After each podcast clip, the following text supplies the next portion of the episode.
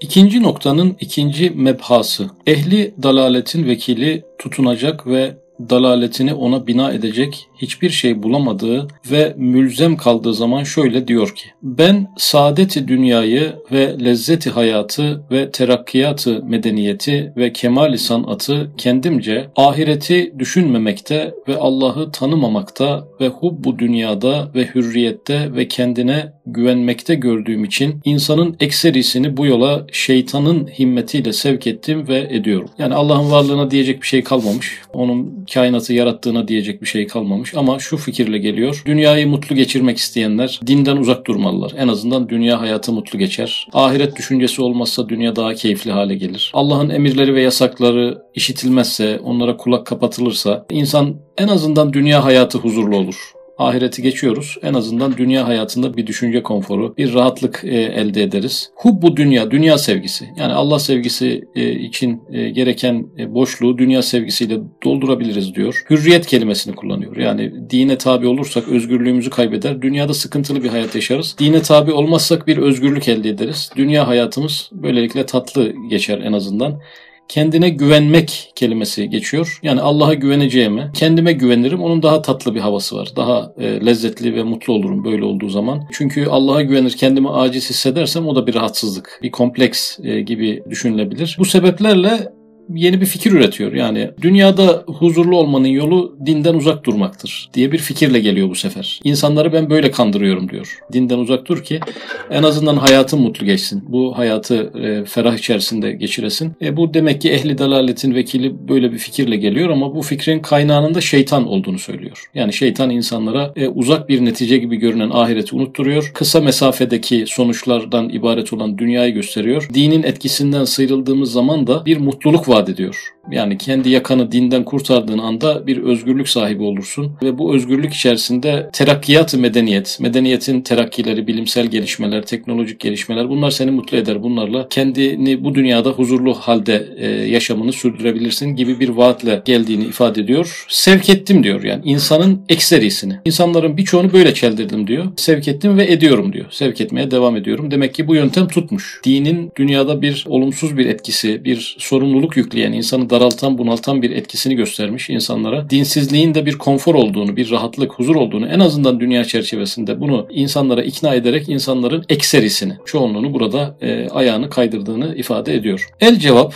e, biz dahi Kur'an namına diyoruz ki, Ey biçare insan, aklını başına al, ehli dalaletin vekilini dinleme. Eğer onu dinlersen hasaretin o kadar büyük olur ki tasavvurundan ruh, akıl ve kalp ürperir. Senin önünde iki yol var. Birisi ehli delaletin vekilinin gösterdiği şekavetli yoldur. Şekavetli yol, belalı, sıkıntılı, sorunlu yoldur. Diğeri Kur'an-ı Hakim'in tarif ettiği saadetli yol. Dünyadaki o az önce şeytanın iddia ettiği, ehli delaletin vekilinin iddia ettiği rahatlık, ferahlık, e, mutluluk, dinden kurtulduğu anda insanda başlayan bir kafa konforu gerçekten olup olmadığı üzerinde bir tefekkür e, yürütecek. Çünkü böyle olmadığını düşünüyor Üstad Üstad Hazretleri. Dinden bağımsız bir hayatın aslında sıkıntılı bir hayat olduğunu, daha ahirete gelmeden dünya hayatında insanın psikolojisini oldukça e, kötü bir halde sürdürmesine sebebiyet verdiğini e, ifade edecek. İşte o iki yolun pek çok muazenelerini çok sözlerde hususen küçük sözlerde gördün ve anladın. Biz de küçük sözlerde bu iki yolu sık sık gördük. Bazen iki asker oldu, bazen iki hizmetkar oldu ama yollar hep ikiye ayrıldı. Şimdi makam münasebetiyle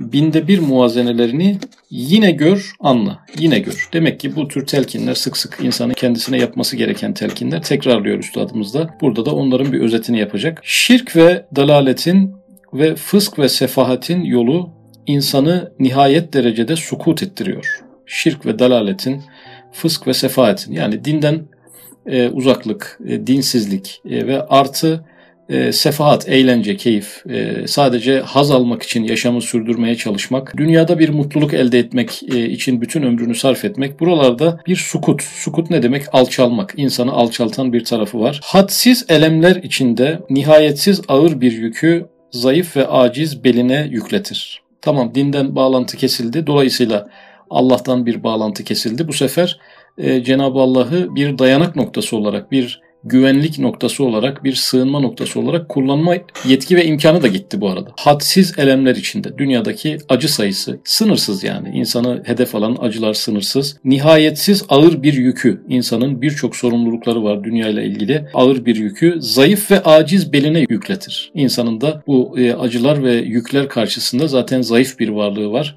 Bunu da her yerde görüyoruz. Bu sefer yükün tamamını kendi kaldırmak zorunda hisseder. Cenab-ı Hakk'a dayanamadığından, onları Cenab-ı Hakk'a havale edemediğinden, Cenab-ı Hakk'ı kainatı ve yaşamı yönetiyor e, görme imkanını kaybettiğinden dolayı bütün e, yükler kendi sırtına binmiş olur. Çünkü insan Cenab-ı Hakk'ı tanımazsa ve ona tevekkül etmezse o vakit insan gayet derecede aciz ve zayıf, nihayet derecede muhtaç, fakir, hassiz musibetlere maruz, elemli, kederli bir fani hayvan hükmünde olup bütün sevdiği ve alaka peyda ettiği bütün eşyadan mütemadiyen firak elemini çeke çeke nihayette baki kalan bütün ahbabını bir firak elim içinde bırakıp kabrin zulümatına yalnız olarak gider. Öncelikle koşul cümlesine ile başlıyor. İnsan Cenab-ı Hakk'ı tanımazsa, tanımazsa da yani tanıma kelimesi otoritesini kabul etmek. Cenab-ı Hakk'ın hayat üzerindeki yetki ve otoritesini reddederse, iptal ederse ve ona tevekkül etmezse, böyle olduğu zaman zaten tevekkül etme imkanı da ortadan kalkıyor. Tevekkül derken vekil tayin etme, kendi çözemediği şeyleri Cenab-ı Hakk'ın kudretine havale etme imkanı elinden gitmiş oluyor. Bu zamanda ne oluyor? İnsanın acizliği ve zayıflığı, muhtaçlığı ve fakirliği, e, hadsiz musibetlere maruz bir varlık oluşu, onu elemli ve kederli ve fani bir hayvan durumuna getiriyor. E, neden hayvanlarla kıyasladı? Çünkü hayvanların bu kadar dertleri yok. Gelecek duyguları zayıf, geçmiş hatıraları zayıf. Ee, üzerine aldıkları sorumluluklar sadece kendi e, o anki durumlarından ibaret olduğu için yaşam sahnesinden karıncalar mutlu geçiyor, böcekler mutlu geçiyor, atlar mutlu geçiyor, arslanlar mutlu geçiyor. Bütün hayvanlar kendilerince bir mutluluk içerisinde var olup yok oluyorlar o hesaba göre. Ama insan inleye inleye, ağlaya ağlaya, perişan ola ola, acılar arta arta bir yaşamın içerisinden geçerek gidiyor toprak olsa bile. Ölüm karşısında da burada mütemadiyen firak elemi. Önce sevdiklerinin acılarını yaşayarak onları da yokluğa gitti bilecek yani. Bir yakını kaybolduğu zaman bir gün görüşeceğiz diye bir ümidi olmayacak yani. Annesi babasını yitirdiği zaman bir gün elbette buluşuruz imkanı kalmamış olacak. E, şöyle bakacak meseleye artık e, toprağı ona emanet ettik. Toprağın içerisindeki mikroorganizmaların e, onu çürütmekten başka bir bedeni ve bir varlığı olmayacak diye düşünen bir insan bütün teselli imkanını da bu noktada yitirmiş olacak. Kaybettiği yakınlarının verdiği e, telafisiz bir acı artı kaybedeceği, kaybetme ihtimali olan yakınlarının e, potansiyel acısı bir de baki kalan bütün ahbabını bir firak elim içinde bırakıp bir de kendi ölümü var. Kendisi yokluğa doğru gidiyor. Bir daha var olamayacak diye düşünüyor. Var olamayacağı için de e, yokluk da her an gelebileceği için yani ölüm her an gelebileceği için ölümle sürekli burun buruna yaşıyor. İnsanı yokluğa, telafisiz bir yokluğa e, sevk eden ölümle burun buruna yaşıyor. E, dolayısıyla onun ölümü nasıl bir ölüm? Şöyle bir ölüm. Bir yakınımızı kaybedersek bir hazin bir durumdur. E, ama 3-4 yakınını kaybeden aynı anda insanlar olmuştur. Bu daha ağır bir durumdur. Bütün akrabalarını aynı anda kaybeden insanlar olmuş mudur? Bir anda yani bir deprem anında olabilir yani. Bir sülaleden bir kişi kalır. Hepsi vefat etmiş olur. Bu daha ağır travmatik bir durumdur. Bir kabile düşünelim. Yani kabilenin tamamının vefat ettiği ama bir kişinin sağ çıktığı bir durum olabilir mi? Olabilir. Bu daha ağır bir durumdur yani. Fakat ahirete ve Allah'a inanmayan bir insan açısından kainattaki bütün insanlar ölmüştür. Kendi ölümüyle. Yani bu kişi öldüğü zaman şunu bilir ki artık oğluma da ulaşamayacağım, kızıma da ulaşamayacağım, ebediyen amcama da ulaşamayacağım, okul arkadaşlarıma da bir daha ulaşamayacağım. Bir cenaze değildir. İnsan sayısınca cenaze demektir kendisi açısından. Yani onun ölmesi demek 5 milyar insanın aynı anda ölüp kendisinin de yokluğa gitmesi gibi bir şeydir. Dolayısıyla bu acı tasavvur edilebilir bir acı değildir.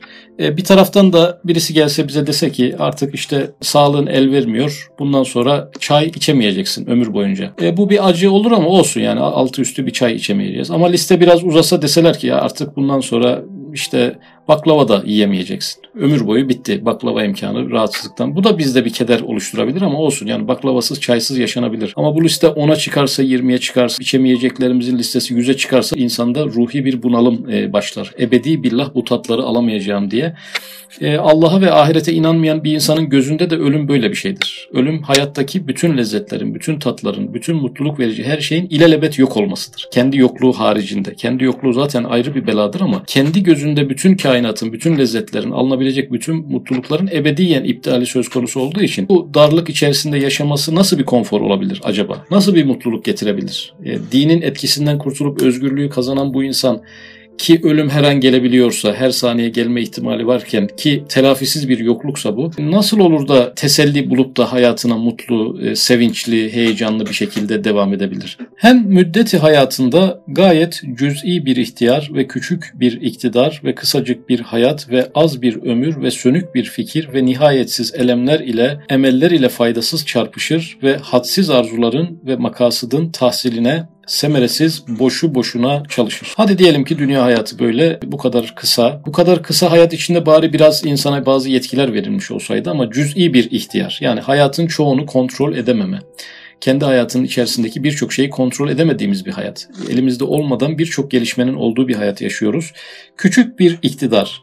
Yani birçok şey gücümüzün üzerinde. Gücümüzle yapabildiğimiz şeyler çok sınırlı. Küçük bir iktidar. Kısacık bir hayat. Hayat da hayat olsa. Yani insanın tek hayatı dünya hayatı diye kendini teselli edecek ki bari o biraz e, sürseydi. Milyonlarca yıl bir taş kalabiliyorken bir insan yani taştan birçok mertebede üstün bir insanın 70-80 yıl yaşaması çok trajikomik bir şey yani. En azından bir taş kadar yaşamalıydı. Bu kadar mertebesi düşük bir varlık kadar yaşamalıydı. Ama verildiği e, süre oldukça kısa bir süre ve az bir ömür ve sönük bir fikir. Yani insan 50-60 yılı fani hayatı e, tek hayatı zannetse bari fikir yeteneği biraz yüksek olsa. Ki hayalleriyle, kurgularıyla, tefekkürleriyle bu acılı hayatı fikir yürüte yürüte mutlu hale getirebilse. Halbuki insanın fikrinin sönük olduğunu şuradan anlıyoruz. Yani birçok psikolog, psikiyatrist işte ofisleriyle, randevu defterleriyle, yazdığı kitaplarla, araştırmalarla yüklendiler belki yüz binlerce e, fikir insanı. Sosyologlar yüklendiler, filozoflar yüklendiler. Beşer için bir takım fikirler, edebiyatçılar bir sürü fikir ürettiler, romanlar yazdılar. İnsanlığın fikri kümülatif bir şekilde birikti. E, biz bu birikmiş fikre bakarken en azından bu 50-60 yıllık hayatımızı mutluluk içerisinde geçirebileceğimiz e, bir fikirle karşılaşsak. O fikirler bizi bari ayakta tutsa. Yokluğa gidiyoruz ama halbuki böyle bir şey de olmuyor. İnsanın fikri o kadar sönük ve zayıf ki o fikirler insana bir mukavemet, bir teselli, bir enerji sağlamaktan çok uzak. Ahiret haricindekileri söylüyor. Yani ahiretin olmadığı, dini inancın olmadığı bir sistemde insanı yüksek seviyede moralitede tutabilecek e, bir edebi akım, bir felsefi akım, bir psikoloji akımı oluşamadı. E, neden? Çünkü mümkünatı yok yani. İdam sehpası, anne karnından idam sehpasına giden bu yaşam yolunda insanı şenlendirebilecek, neşelendirebilecek, onu keyiflendirebilecek bir fikir sunmak mümkün değil. Çünkü e, bu idam mahkumunun bir 5-10 dakika önceden heyecanlandırıp kahkaha attırılabilmesi kadar zor bir şey olduğu için bunu başaramadıkları çok ortada görünüyor. Elemler ile emellerin çarpışması. Dolayısıyla elemlerle emeller, emeller arzu ve ümitleri insanın bunlar sürekli çarpışır. Bari şu kısa ve insanın tek hayatı olan e, dünya hayatı e, arkası da yoksa şayet bari emelleri yerine gelseydi. İnsan birçok arzusu yerine gelmeden ölüyor. Hayalleri gerçekleşmeden ölüyor. Birçok insan hayallerinin binde birini gerçekleştiremeden ölüyor. Bari bunları yapabilerek ölseydi. Böyle bir hayat olsaydı da e, tek başına bir dünya hayatına da bir puan verebilseydik bu puanı ona veremiyoruz. Hem kendi vücudunu yüklenemediği halde koca dünya yükünü bir çare beline ve kafasına yüklenir. Kendi varlığını insan götüremiyor, kendi problemlerini çözemiyorken bir de dünya yükünü, başkalarının yükünü beline ve kafasına yükler. Toplumun problemleri, tarihin problemleri, bulunduğumuz e, ilçenin, kasabanın problemleri, akrabalarımızla alakalı problemler, sevdiklerimizin problemleri bir de bunlar yükleniyor. Beline ve kafasına. Beline insanın maddi yükleri, Kafasına da manevi yükleri. Kafa yükleri farklıdır. Fiziksel olarak bir problem yokken bile insan problem üreten e, bir varlık olduğu için. Daha cehenneme gitmeden cehennem azabını çeker. Evet şu elim elemi ve dehşetli manevi azabı hissetmemek için ehli dalalet iptal his nevinden gaflet sarhoşluğuyla muhakkaten hisset. Yani ehli dünya bunu başarıyor. Buna rağmen mutlu, buna rağmen keyifli, buna rağmen gülüyor, oynuyor. Nasıl oluyor peki bu? Üstad Hazretlerine göre iptali his, hislerini iptal etmiş, bastırmış, e, duygusuzlaştırmış. Kendisini ölüm gerçeğine karşı duygusuzlaştırmış. E, zaten ölüm hayatımıza sızamıyor. Eskiden insanlar evlerinde vefat ediyorlardı. Çoğu, çoğunluk itibariyle hastanede vefat olmuyordu. Bugün vefat anlarını göremiyoruz. İnsan sevdiklerinin vefatının o anını göremiyor göremiyor. Hastalık da yanımızda değil. Hasta da hastanede. Sadece gidip ziyaret edip döndüğümüz bir hale geldiğinde dolayı hastalık ve ölüm gibi hatırlatıcılar hayatımızda noksanlaştığı için e, biz bu gerçeği zihnimizde iptal etmiş oluyoruz. E, mezarlıklar da şehirlerin dışında eskiden şehrin ortasında oluyordu genel itibariyle. Hatta evlerin bahçelerinde oluyordu. E, onlar da başka yerlere nakledildiğinden beri ölümle ve hastalıkla ilgili bir karşılaşma alanlarımız daraldığından dolayı e, ölümü konuşan insanlardan da uzak durduğumuza göre ölümle ilgili televizyon programları, işte söyleşiler, sohbetler bu tür şeyler hem az yapılıyor hem de onları rahatlıkla atlayabildiğimizden dolayı böyle bir gerçek hayatımızda e, olmadığını görüyoruz. Son anlarında o, orada olması, cenazesini kendisinin yıkaması, defnederken mezara inmesi, hastalık döneminde ailenin birlikte geçirdiği günler. Bunların hepsi ölüme temas ettiğimiz anlar. Ve o zamana gelinceye kadar da ölümle ilgili dinlenen dersler, yapılan temrinatlar, ahiretle ilgili insanın kendine yaptığı telkinler bir noktada insanı hazırlıyor. Ne oluyor? Doğal karşılıyor insan bu süreçten sonra. Meseleyi doğal karşılıyor. Ama burada iptali his nevinden gaflet sarhoşluğuyla muvakkaten hissetmez. Fakat hissedeceği zaman yani kabre yakın olduğu vakit birden hisset. Yani meseleyi bastırırlar, ertelerler, yok sayarlar ama aniden bir ölüm gelir. Çocuğuna gelebilir, eşine gelebilir, annesine gelebilir, e, babasına gelip aniden hiç düşünmediği ölüm, üzerinde hiç tefekkür yapmadı, birden karşılaşabilir böyle bir insan. O zaman ne olur? E, o psikolojik hazırlığı hiç olmadığından dolayı büyük bir bunalım yaşar. Yani arkadaşımızla işte biz beraberdik bugün. Normal nasıl idiysek öyle devam ettik yani. Ölümün doğallığı üzerinde biz eski bıraktığımız arkadaşımızı aynı olarak meseleden almış olduk. Fakat her insan böyle olmuyor. Yani ölüm travması karşısında 30 yıl 40 yıl etkisinden çıkamayan insanlar olabiliyor. E, Efendimiz Aleyhisselatü Vesselam'ın yasa bir çizgi koyması, yas tutma şekillerine, giyim tarzına, işte siyah giymekti. Bunları yasaklaması, ağıt yakılmasını yasaklaması. Bunların hepsi e, bir noktada ölüm gerçeğine karşı insanın itici bir bağlanmayla bağlanmaması, doğal bir bağlanmayla bağlanmasını gerektiren şeyler. Fakat bu iptali his yapan insanlar e, bu meseleyle etrafında yakın birinin ölümüyle büyük bir travma yaşarlar. İkincisi e, kendi ölümleri var bir de. Yani bu diyelim ki yaşlandı veya ağır bir hastalık geçiriyor. Öleceğini öğrendi, anladı veya ölüme yaklaştığını anladı. Bu yıl olmazsa öbür yıl öleceğini anladı yaşlı bir insan. Hiç de aklına ölümü getirmemişti. Hayat din yoktur yükünü sırtından atarak kendini mutlu ederek yaşamayı başarmıştı. Unutmuştu, unutturmuştu. E bir de böyle bir insanın halini düşünelim. Allah var, ahiret var diyemiyor ki bir sarılabilsin, teselli bulabilsin. Ben yok olmuyorum, var olacağım. İhtiyar değilim, gençleşeceğim e, bu kısıtlı alandan e, daha geniş bir yere, anne karnından yeryüzüne nasıl genişleyerek çıktıysam buradan daha geniş bir aleme çıkacağım umudunu ortaya koyamayan birisi yılların biriktirdiği o bastırmışlığın aniden su yüzüne çıkması karşısında çok ağır bir travma yaşaması çok büyük olasılıktır. Tabii ki tövbe kapısı açıktır. O anda da belki geri adım atılabilir ama inattan dolayı, kibirden dolayı, eski bazı verilen kararlardan konuşulan iddialı sözlerden dolayı o adımı atamayan insanlar da olabiliyor. Çünkü Cenab-ı Hakk'a hakiki abd olmazsa kendi kendine malik zannedecek. Çünkü Cenab-ı Hakk'a hakiki abd olmazsa kendi kendine malik zannedecek. Demek ki hakiki kulluk hani insanlar iman ilacını, tevekkül ilacını, sabır ilacını başarıyla kullanabiliyorlar. Kişinin kulluğu hakiki değilse zayıf bir kulluksa, sahte bir kulluksa bu kişi sabır, tevekkül, iman gibi ilaçları kullanamıyor. Çünkü kişi kendini kendine malik zannediyor. İbadetlerini yapan bir insan da olabilir ama ibadetlerin hakikatine ulaşamamışsa kendini Allah'a havale edemiyor, durumunu Allah'a havale edemiyor. Allah'a tevekkül ettim deyince rahatlayan birçok insan varken bu kişi Allah'a tevekkül ettim demesine rağmen rahatlayamıyor. Bunun sebebi kulluk, kulluğunun hakiki seviyelere ulaşmamış olması. Demek ki bu zor problemleri atlatmanın yolu hakiki kul olmak, hakiki kulluğun verdiği bir imkan bu. Tevekkül etmek, sabretmek, Allah'a havale etmek e, gibi imkanlardan ancak insan böylelikle e, isabetli bir şekilde faydalanabiliyor. Halbuki o cüz'i ihtiyar, o küçük iktidarı ile şu fırtınalı dünyada vücudunu idare edemiyor. Dünya fırtınalı, kişinin varlığıysa cüz'i bir ihtiyarı var. Kendisini idare edemeyecek bir yaşamda e, elini uzatabileceği bir Rabbi var. E, onu da oradan gelen emir ve yasakların hafif yükünü çekmemek için o ilişkiyi kestiğinden dolayı bu imkanları da kullanamıyor. Hayatına muzır mikroptan tut ta zelzeleye kadar binler taife düşmanları hayatına karşı tehacüm vaziyetinde görür.